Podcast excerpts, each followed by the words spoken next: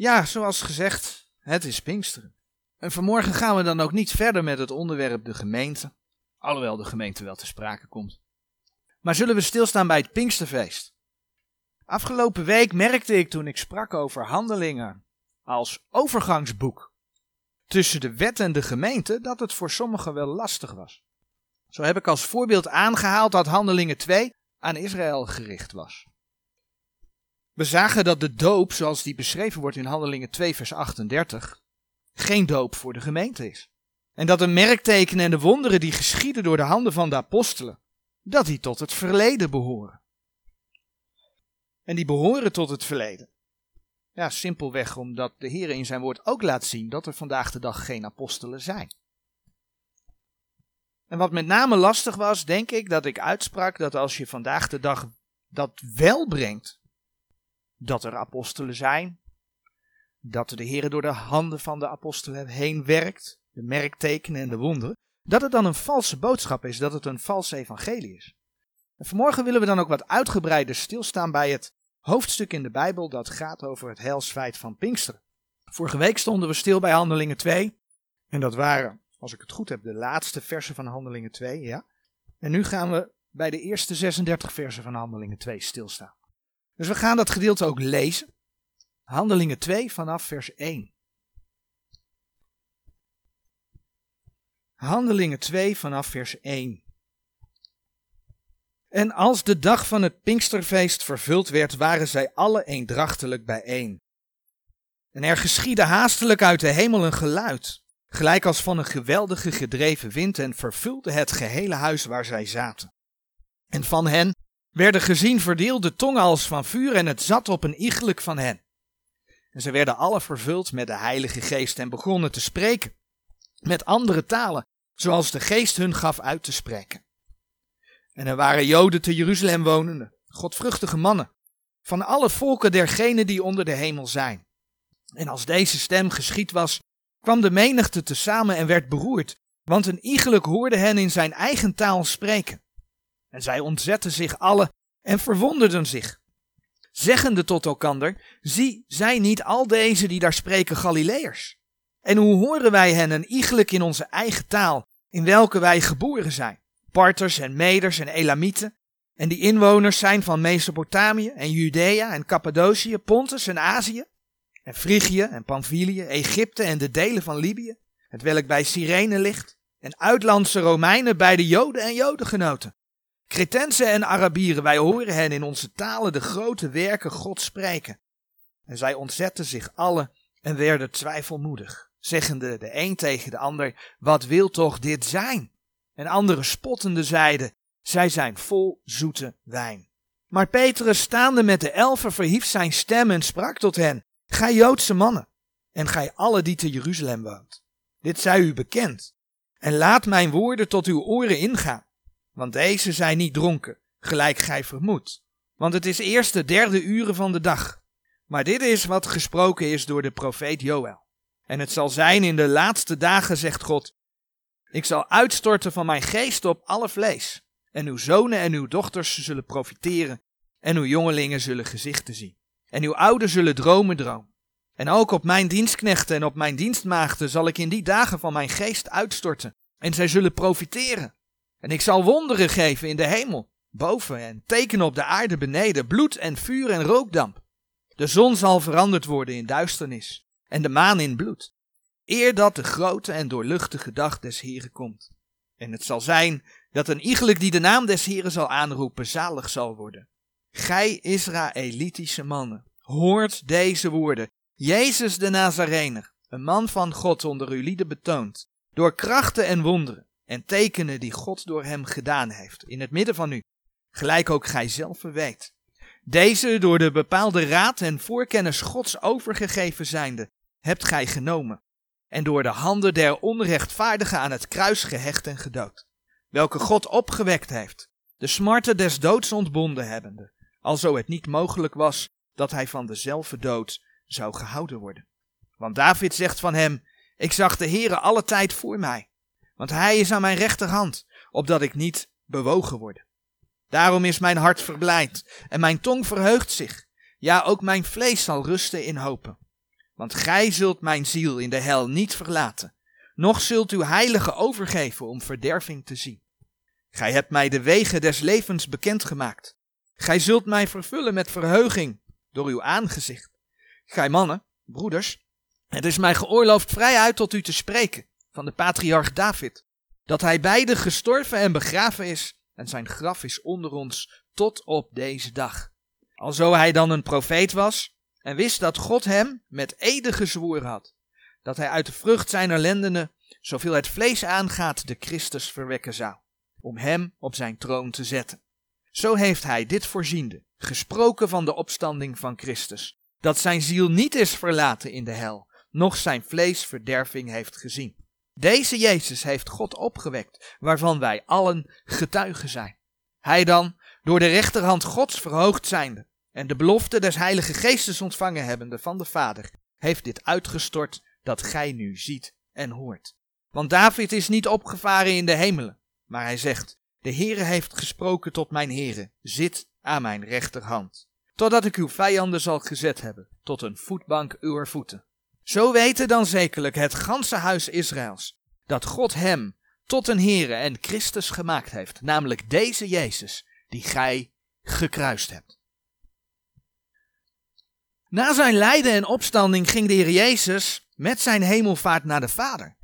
Maar hij beloofde een andere trooster. In Johannes 16. Eh, Daar zei de Heer Jezus. Johannes 16 vanaf vers 5. En nu ga ik heen tot degene die mij gezonden heeft, en niemand van u vraagt mij waar gaat gij heen. Maar omdat ik deze dingen tot u gesproken heeft, zo heeft de droefheid uw hart vervuld. Doch ik zeg u de waarheid, het is u nut dat ik wegga. Want indien ik niet wegga, zo zal de trooster tot u niet komen. Maar indien ik heen ga, zo zal ik hem tot u zenden. En die gekomen zijnde zal de wereld overtuigen van zonde en van gerechtigheid en van oordeel. In Handelingen 1 vers 4, vlak voor de hemelvaart, lezen we dat de Heer Jezus de discipelen vroeg om na zijn hemelvaart in Jeruzalem te wachten. Te wachten totdat zij de Heilige Geest ontvangen zouden hebben. Kijk maar in Handelingen 1 vers 4. En als hij met hen vergaderd was, beval hij hun dat zij van Jeruzalem niet scheiden zouden, maar verwachten de belofte des vaders, die gij, zeide hij, van mij gehoord hebt. Het staat ook in Lucas 24, vers 49 beschreven. Ze moesten wachten. Totdat ze de belofte des vaders gekregen hadden. De komst van de Heilige Geest wordt dus ook wel de belofte des vaders genoemd. Het is dus een belofte van de Heere God. En die is toen de tijd met het Pinksterfeest in vervulling gegaan. En in Handelingen 2, vers 1 hebben we gelezen, en als de dag van het Pinksterfeest vervuld werd, waren zij alle eendrachtelijk bijeen. Maar wat betekent het als op die dag de belofte des vaders vervuld is? Dat betekent dat Pinksteren, net als de geboorte van de Messias, net als het lijden, het sterven en de opstanding van de Heer Jezus, een eenmalig helsfeit is.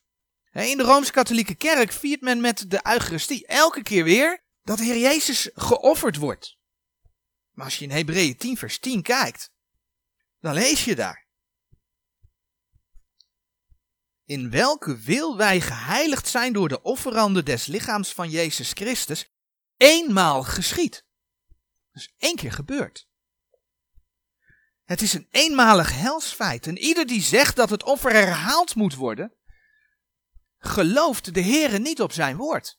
En ieder die zegt dat het offer herhaald moet worden, gelooft niet dat, het, dat Jezus Christus uitroept, riep, het is volbracht. Want dan zeg je eigenlijk dat ene offer is niet voldoende, want het moet iedere keer weer herhaald worden.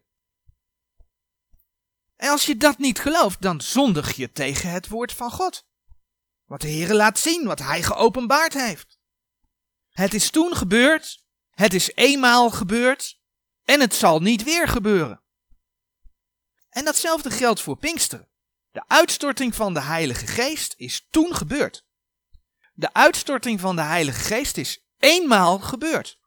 En het zal niet weer gebeuren. Maar dan zeg ik er wel bij, voor de gemeente. Want, en dat zullen we zo direct nog zien, het zal nog eenmaal gebeuren in dit geval voor Israël. Voor het volk Israël. Maar voor de gemeente is het destijds in vervulling gegaan. Maar je zult ze de kost geven die elk jaar met Pinksteren of misschien wel vaker bidden om de uitstorting van de Heilige Geest. En dan ook nog zeggen dat het een belofte van de Heere God is als je daarom bidt. En ja, vaak wordt het ook nog gekoppeld aan een waterdoop.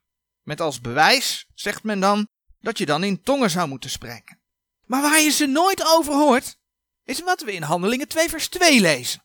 Handelingen 2 vers 2. En er geschiedde haastelijk uit de hemel een geluid, gelijk als van een geweldige, gedreven wind, en vervulde het gehele huis waar zij zaten.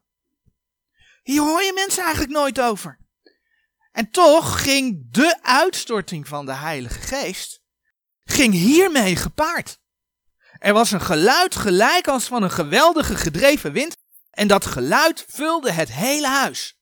Dat is het begin van de uitstorting van de Heilige Geest, in Handelingen 2. Daar hoor je mensen niet over. En ja, tongentaal kun je nadoen. Dat, die, dat het geluid als van een geweldige gedreven wind het hele huis vult, is lastig na te doen. Dus daar praten we dan niet over. En vaak bidt men dan of de Heere hen wil dopen met de Heilige Geest en met vuur. En ja, in Handelingen 2 vers 3 staat dan ook geschreven. En van hen werden gezien verdeelde tongen als van vuur en het zat op een iegelijk van hen.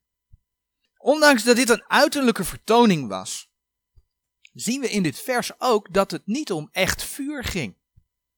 Het waren verdeelde tongen als, let op dat woordje, als van vuur.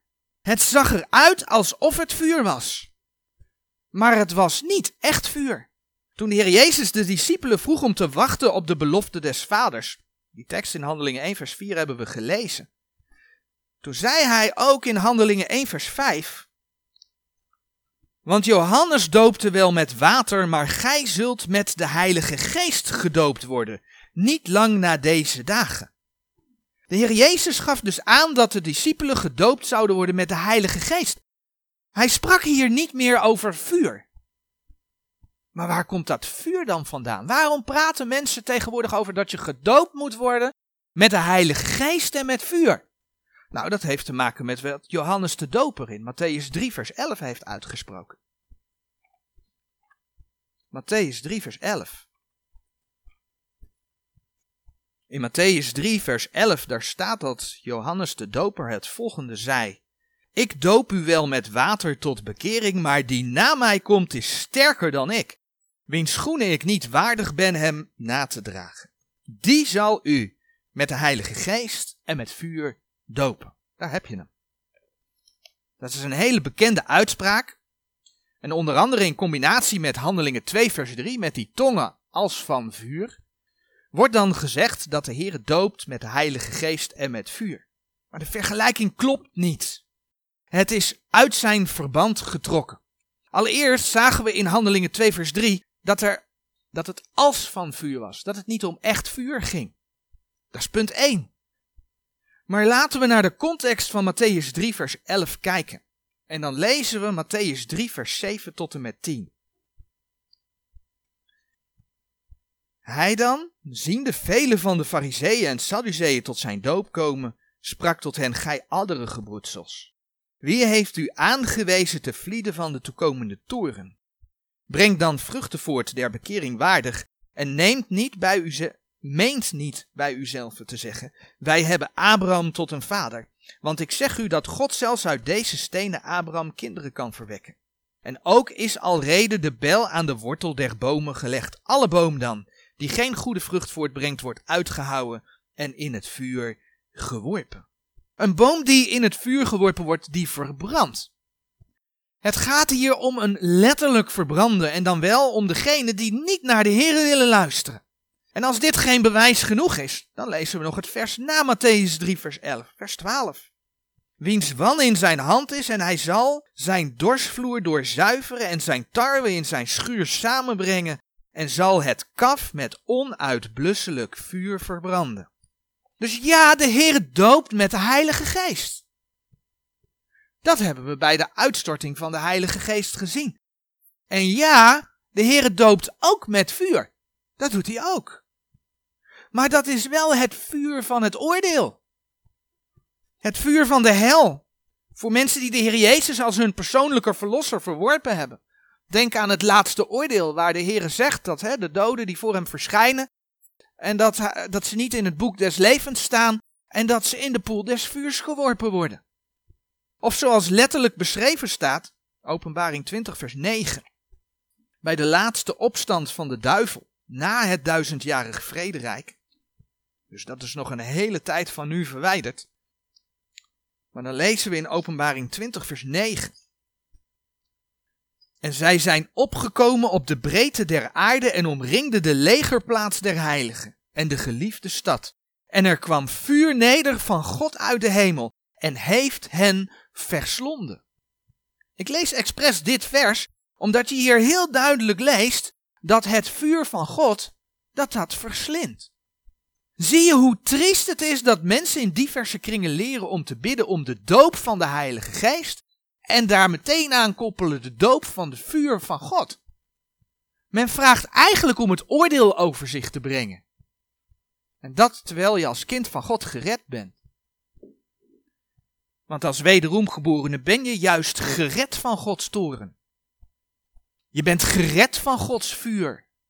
En dan is het de vijand gelukt door manipulatie van het woord van God om massa's mensen te laten bidden om een doop van vuur. Dat is triest. Maar als de uitstorting van de Heilige Geest, zoals beschreven in Handelingen 2, eenmalig was, hoe zit dat dan met ons vandaag de dag? Worden wij dan niet gedoopt met de Heilige Geest? Jazeker. Ja hoor. We hebben erbij stilgestaan bij het onderwerp wedergeboorte. We hebben erbij stilgestaan toen we spraken over het onderwerp de geestelijke besnijdenis. Wij hoeven vandaag de dag bijvoorbeeld niet te wachten zoals de apostelen dat na hemelvaart moesten doen. De Heer laat zien, en dan komen we ja, toch weer bij die bekende versen Efeze 1 vers 13 en 14. Efeze 1 vers 13 en 14. De Heer laat zien dat wanneer wij geloven door het woord van God, dat wij verzegeld worden met zijn geest. Kijk maar in Efeze 1 vers 13. Ik lees vers 12 er ook even bij. Opdat wij zouden zijn tot prijs zijner heerlijkheid, wij die eerst in Christus gehoopt hebben. In welke ook gij zijt, het gaat dus om het zijn in Christus, nadat gij het woord der waarheid, namelijk het evangelie uw zaligheid gehoord hebt, in welke gij ook nadat gij geloofd hebt, horen, geloven, zijt verzegeld geworden met de heilige geest der belofte. Horen, geloven en dan word je verzegeld. Die het onderpand is van onze erfenis tot de verkregen verlossing, tot prijs zijner heerlijkheid. Het feit dat je een kind van God geworden bent door het geloof in de Heer Jezus op basis van Gods woorden, dat maakt dat de Heer je verzegelt met zijn geest. En dat geeft je tevens de geloofszekerheid. We hebben het net gelezen, je hebt de verlossing verkregen. Efeze 1 vers 14. Die het onderpand is van onze erfenis tot de verkregen verlossing. Dat is geloofszekerheid. Je mag weten dat je verlost bent. Zo zagen we ook bij het onderwerp van de gemeente. En die tekst die, die staat hier op de dia, dat is 1 Korinthe 12 vers 13. Dat het de Heilige Geest is die je bij de wedergeboorte indoopt in het lichaam van de Heer Jezus. Indoopt. Dat is een doop. Je wordt door de, door de Heilige Geest ingedoopt. Je wordt niet alleen verzegeld, maar ingedoopt in het lichaam van de Heer Jezus. Want ook wij allen zijn door één geest tot één lichaam gedoopt. Het zij Joden, het zij Grieken, het zij dienstknechten, het zij vrije. En wij zijn allen tot één geest gedrenkt. Daarom kan de gemeente ook groeien vanaf Pinksteren. De Heilige Geest is eenmaal gekomen.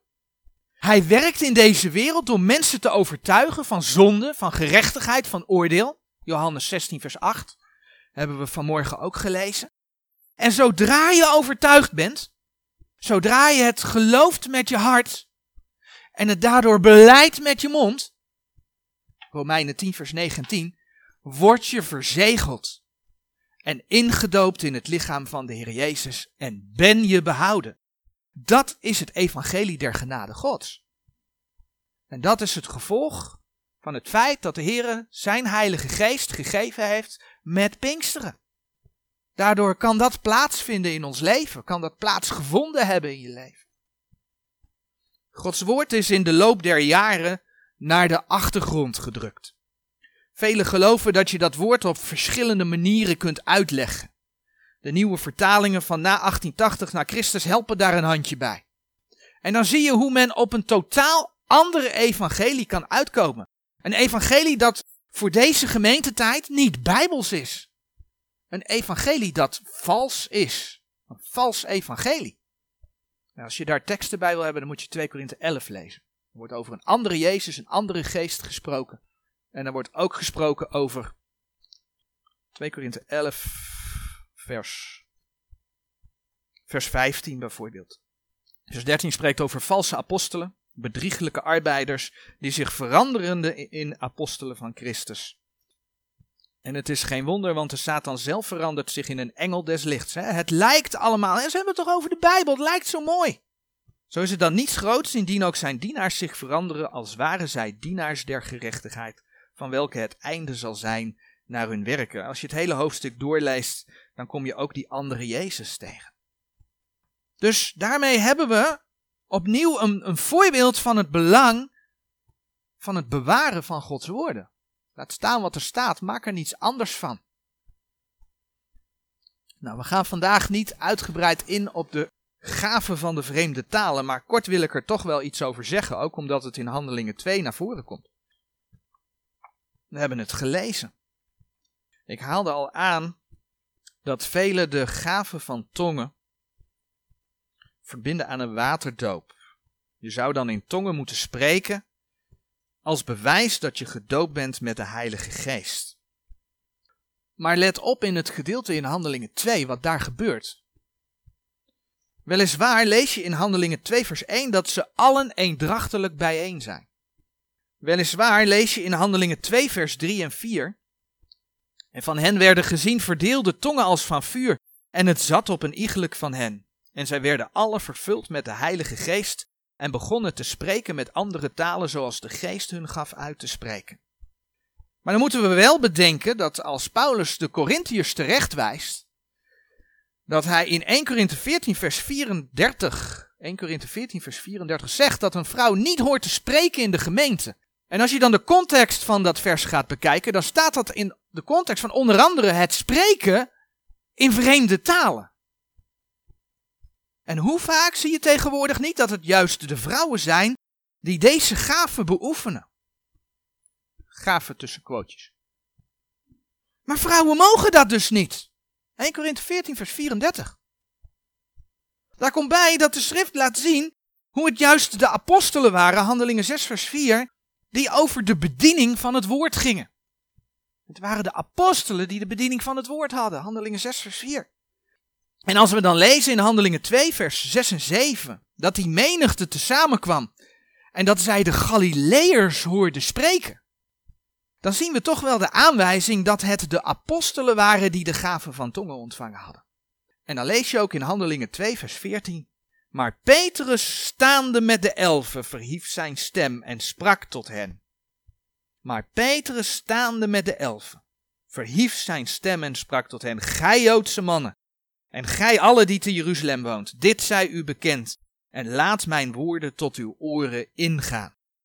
En dan lezen we, Handelingen 2 vers 31, dat op die eerste dag 3000 zielen tot geloof kwamen door de prediking van de apostelen. En als je dat gedeelte dan goed tot je in laat werken, dan lees je nergens dat die 3000 mensen allemaal in tongen gingen spreken. Dat lees je niet. Het staat er niet. Dus hoe komt men erbij om te zeggen dat als mensen tot geloof komen, dat je dat zou moeten doen. Het staat er niet.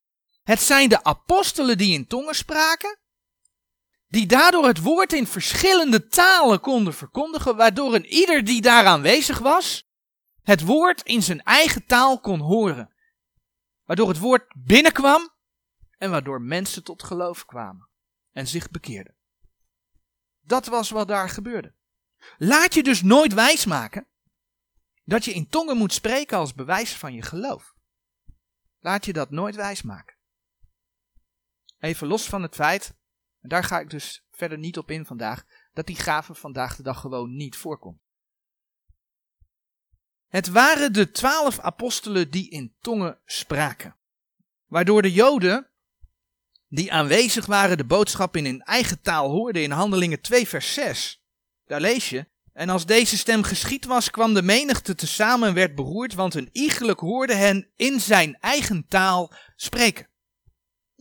En in Handelingen 2 vers 8 is het de menigte die zegt, en hoe horen wij hen een iegelijk in onze eigen taal, in welke wij geboren zijn?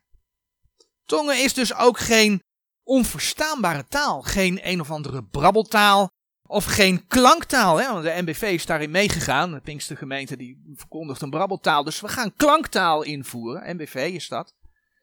Er is geen klanktaal.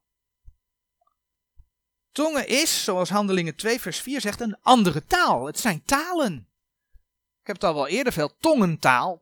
Dat is dus talentaal. Dat is ook iets raars. Kan helemaal niet, want tongen zijn talen.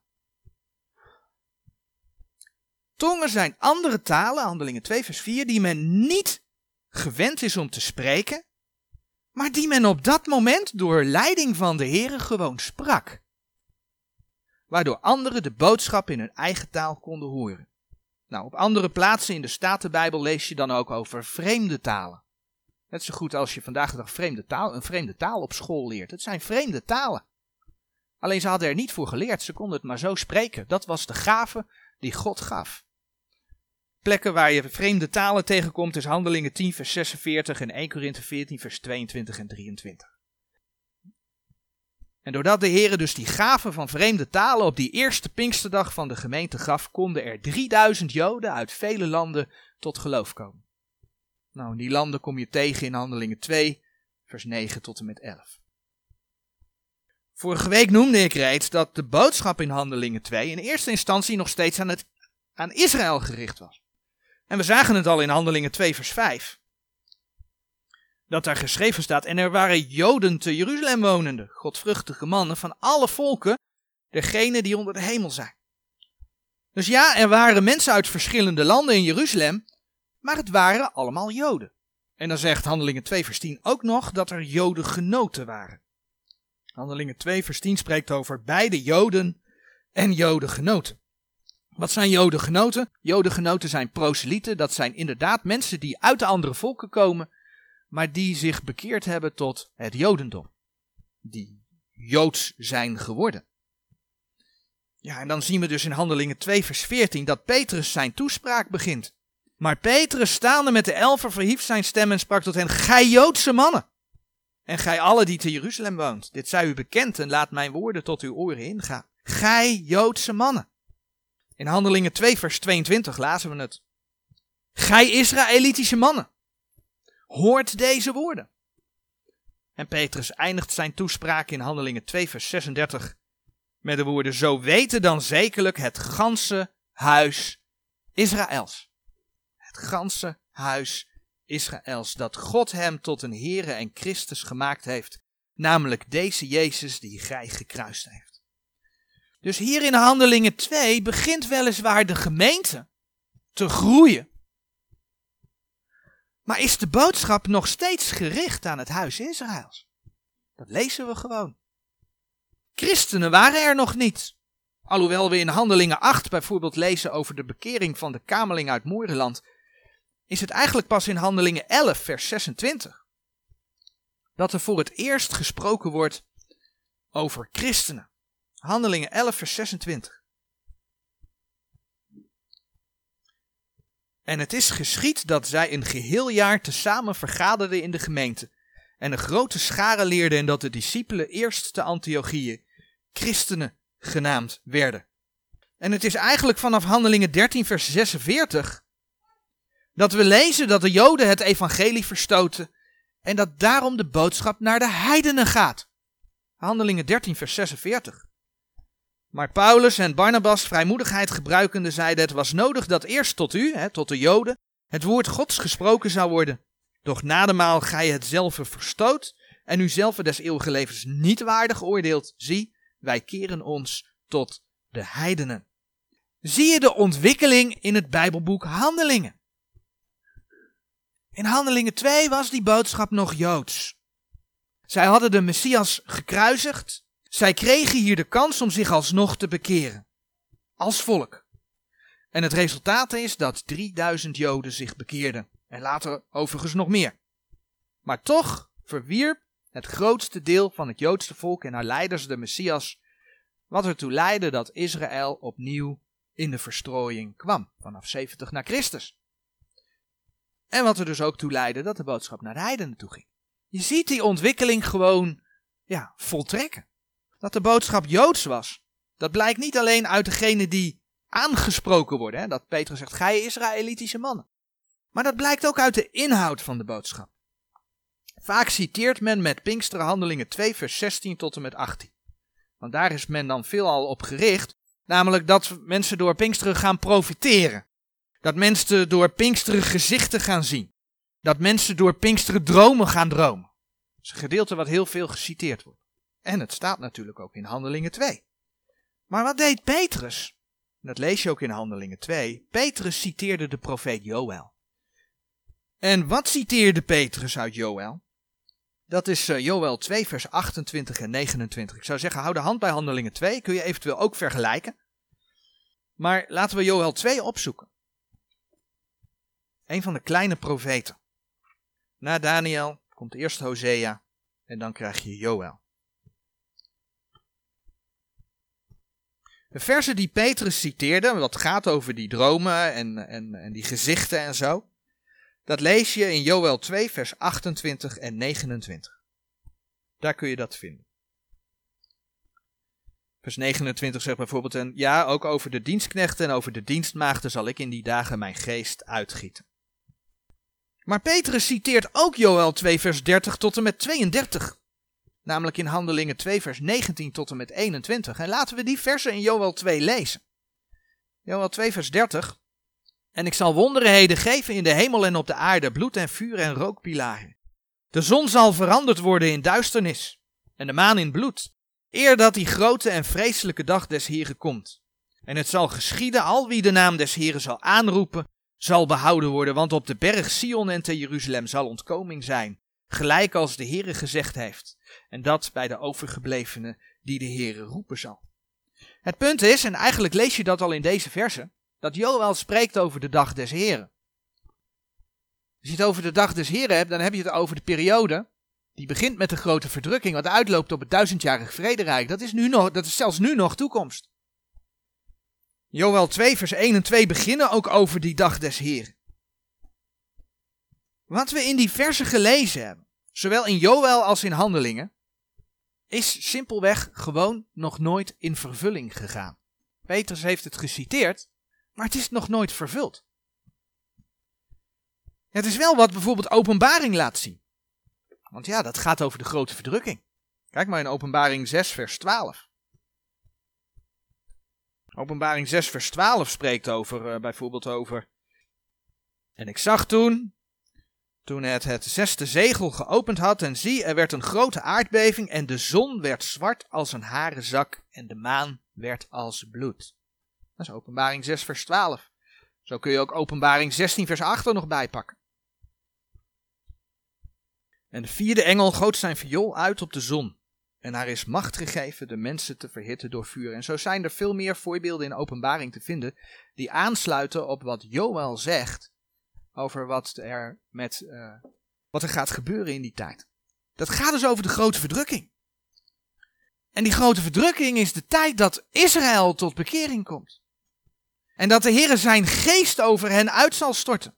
Dat is wat we in Joel 2 gelezen hebben in vers... Uh, nou hebben we niet gelezen, maar dat staat in Joel 2 vers 12. En in vers 28 tot en met 32, waar we een deel van gelezen hebben. Maar over dat uitstorten van de Heilige Geest gesproken. Handelingen 2 schrijft niet dat de mensen gezichten en dromen hadden, maar wel over de gaven van vreemde talen. Voor de apostelen. Met andere woorden, met Pinksteren is de profetie van Joël nog niet vervuld. Die vervulling is nog toekomst. En toch zegt Petrus in Handelingen 2, vers 16 het volgende. Handelingen 2, vers 16. Maar dit is het wat gesproken is door de profeet Joël. Maar dit is het wat gesproken is door de profeet Joël over de laatste dagen. Want Joël ging duidelijk over de laatste dagen. Dit is het. Met andere woorden, zoals de Heer zijn geest belooft, zo heeft hij nu, zo heeft hij toen in de tijd van de apostelen, van Petrus, zijn geest uitgestort. Wat de Heer over de toekomst schrijft, is wat er nu gebeurt. Dat is wat Petrus zegt. Vers 16. Maar dit is het wat gesproken is door de profeet Joël. En de precieze vervulling van Joël 2 zal nog plaatsvinden in de toekomst als Israël tot bekering komt. Dat is nog toekomst. Ook in het vervolg van Petrus' toespraak zien we dat Israël centraal staat. Als ontvanger van de boodschap. Petrus vertelt weliswaar over de boodschap van de Heer Jezus die geleden heeft. Die begraven is en die opgestaan is. Dat hebben we gelezen in Handelingen 2 vanaf vers 22 tot vers 32. Maar nergens spreekt hij dat de Heer Jezus is gestorven voor de zonde van de mensen. Dat lees je in dat gedeelte niet. En vervolgens komt dus wel, en daar hebben we de vorige keer over gehad, dus daar ga ik nou niet uitgebreid op in, dat hij zegt, laat je dopen tot vergeving van zonde. Maar dat de Heer Jezus gestorven is voor de zonde, dat lees je daar niet. Zoals Paulus dat dus later aan de gemeente wel door mag geven. Kijk maar in 1 Korinthe 15, vers 3 en 4. Er staat in feite beknopt het evangelie der genade Gods. 1 Korinthe 15, vers 3 en 4. Want ik heb u lieden ten eerste overgegeven, hetgeen ik ook ontvangen heb, dat Christus gestorven is voor onze zonde, naar de schriften, en dat hij is begraven en dat hij is opgewekt ten derde dagen naar de schriften. Petrus' nadruk voor Israël ligt dus anders. Petrus eindigt zijn boodschap dan ook met Handelingen 2, vers 36. Zo dan weten dan zekerlijk het ganse huis Israëls dat God hem tot een Heere en Christus gemaakt hebt, namelijk deze Jezus, dien gij gekruisigd, gekruist hebt. Opnieuw zien we hierin bevestigd dat Handelingen een overgangsfase beschrijft. De gemeente ontstond, het was in ontwikkeling en Paulus mocht Gods boodschap voor de gemeente openbaren. Dat schrijft hij onder andere in Galaten 1 vers 11 en 12. Die niet van mensen gekregen heeft, die van de Heer Jezus geopenbaard gekregen. Die openbaring is dus verder gegaan. Wat we wel zien in Petrus' toespraak, is dat de uitstorting van de Heilige Geest bewerkt, want dat deed Petrus, dat mensen spreken over de Heer Jezus. Je ziet in deze eindtijd, ingegeven door de charismatische beweging, dat men vaak praat over de Heilige Geest. En ook wel zegt dat je tot de Heilige Geest moet bidden en dat je de Heilige Geest in je leven moet vragen. Maar we moeten niet de Heilige Geest in ons leven vragen. We moeten het woord geloven, het woord aannemen, het volbrachte werk van de Heer Jezus aannemen, Romeinen 10, vers 9 eh, en, en 10. En als we dan geloven op grond van dat woord, dan worden we verzegeld met de Heilige Geest. Dat is wat anders dan dat we de Heilige Geest gaan aanbidden. Dat was dus Efeze 1, vers 13 en 14 onder andere. Als je gelooft in Gods woorden, als je gelooft in het volbrachte werk van de Heer Jezus, want dat is de boodschap van Gods woorden. Als je dat voor jouw leven aanneemt, dan word je verzegeld. En de Heilige Geest bewerkt het dan dus dat de gelovigen de boodschap van dat volbrachte werk van de Heer Jezus gaan brengen. In Handelingen 1 vers 8 gaf de Heer Jezus dat al aan. Handelingen 1 vers 8. Maar gij zult ontvangen de kracht des Heilige Geestes die over u komen zal. En gij zult mijn, mijn getuige zijn. Zo te Jeruzalem als in geheel Judea en Samaria aan het uiterste der aarde. De kracht des Heilige Geestes geeft dus dat je getuige van de Heer Jezus kunt zijn. Het was de Heer Jezus die dat uitsprak. Kijk maar in Handelingen 1 vers 7. In 1 Korinthe 15 vers 3 en 4 zagen we ook de kern van het evangelie der genade Gods. Dat is het sterven voor onze zonde, de begrafenis en de opstanding van de Heer Jezus. En in Johannes 15 vers 26, daar zei de Heer Jezus, Johannes 15, vers 26. Maar wanneer de trooster zal gekomen zijn, die ik u zenden zal, van de Vader, namelijk de geest der waarheid, die van de Vader uitgaat, die zal van mij getuigen. Een wederom geboren gelovige, die dus verzegeld is met de geest, die door het woord van de Heer wil leven, is geen getuige van de Heilige Geest, maar is door de werking van de geest in zijn leven een getuige van Jezus Christus. Dat ook wij van Hem, van Jezus Christus, mogen spreken. En dat is de boodschap van Pinksteren voor de gemeente. Amen.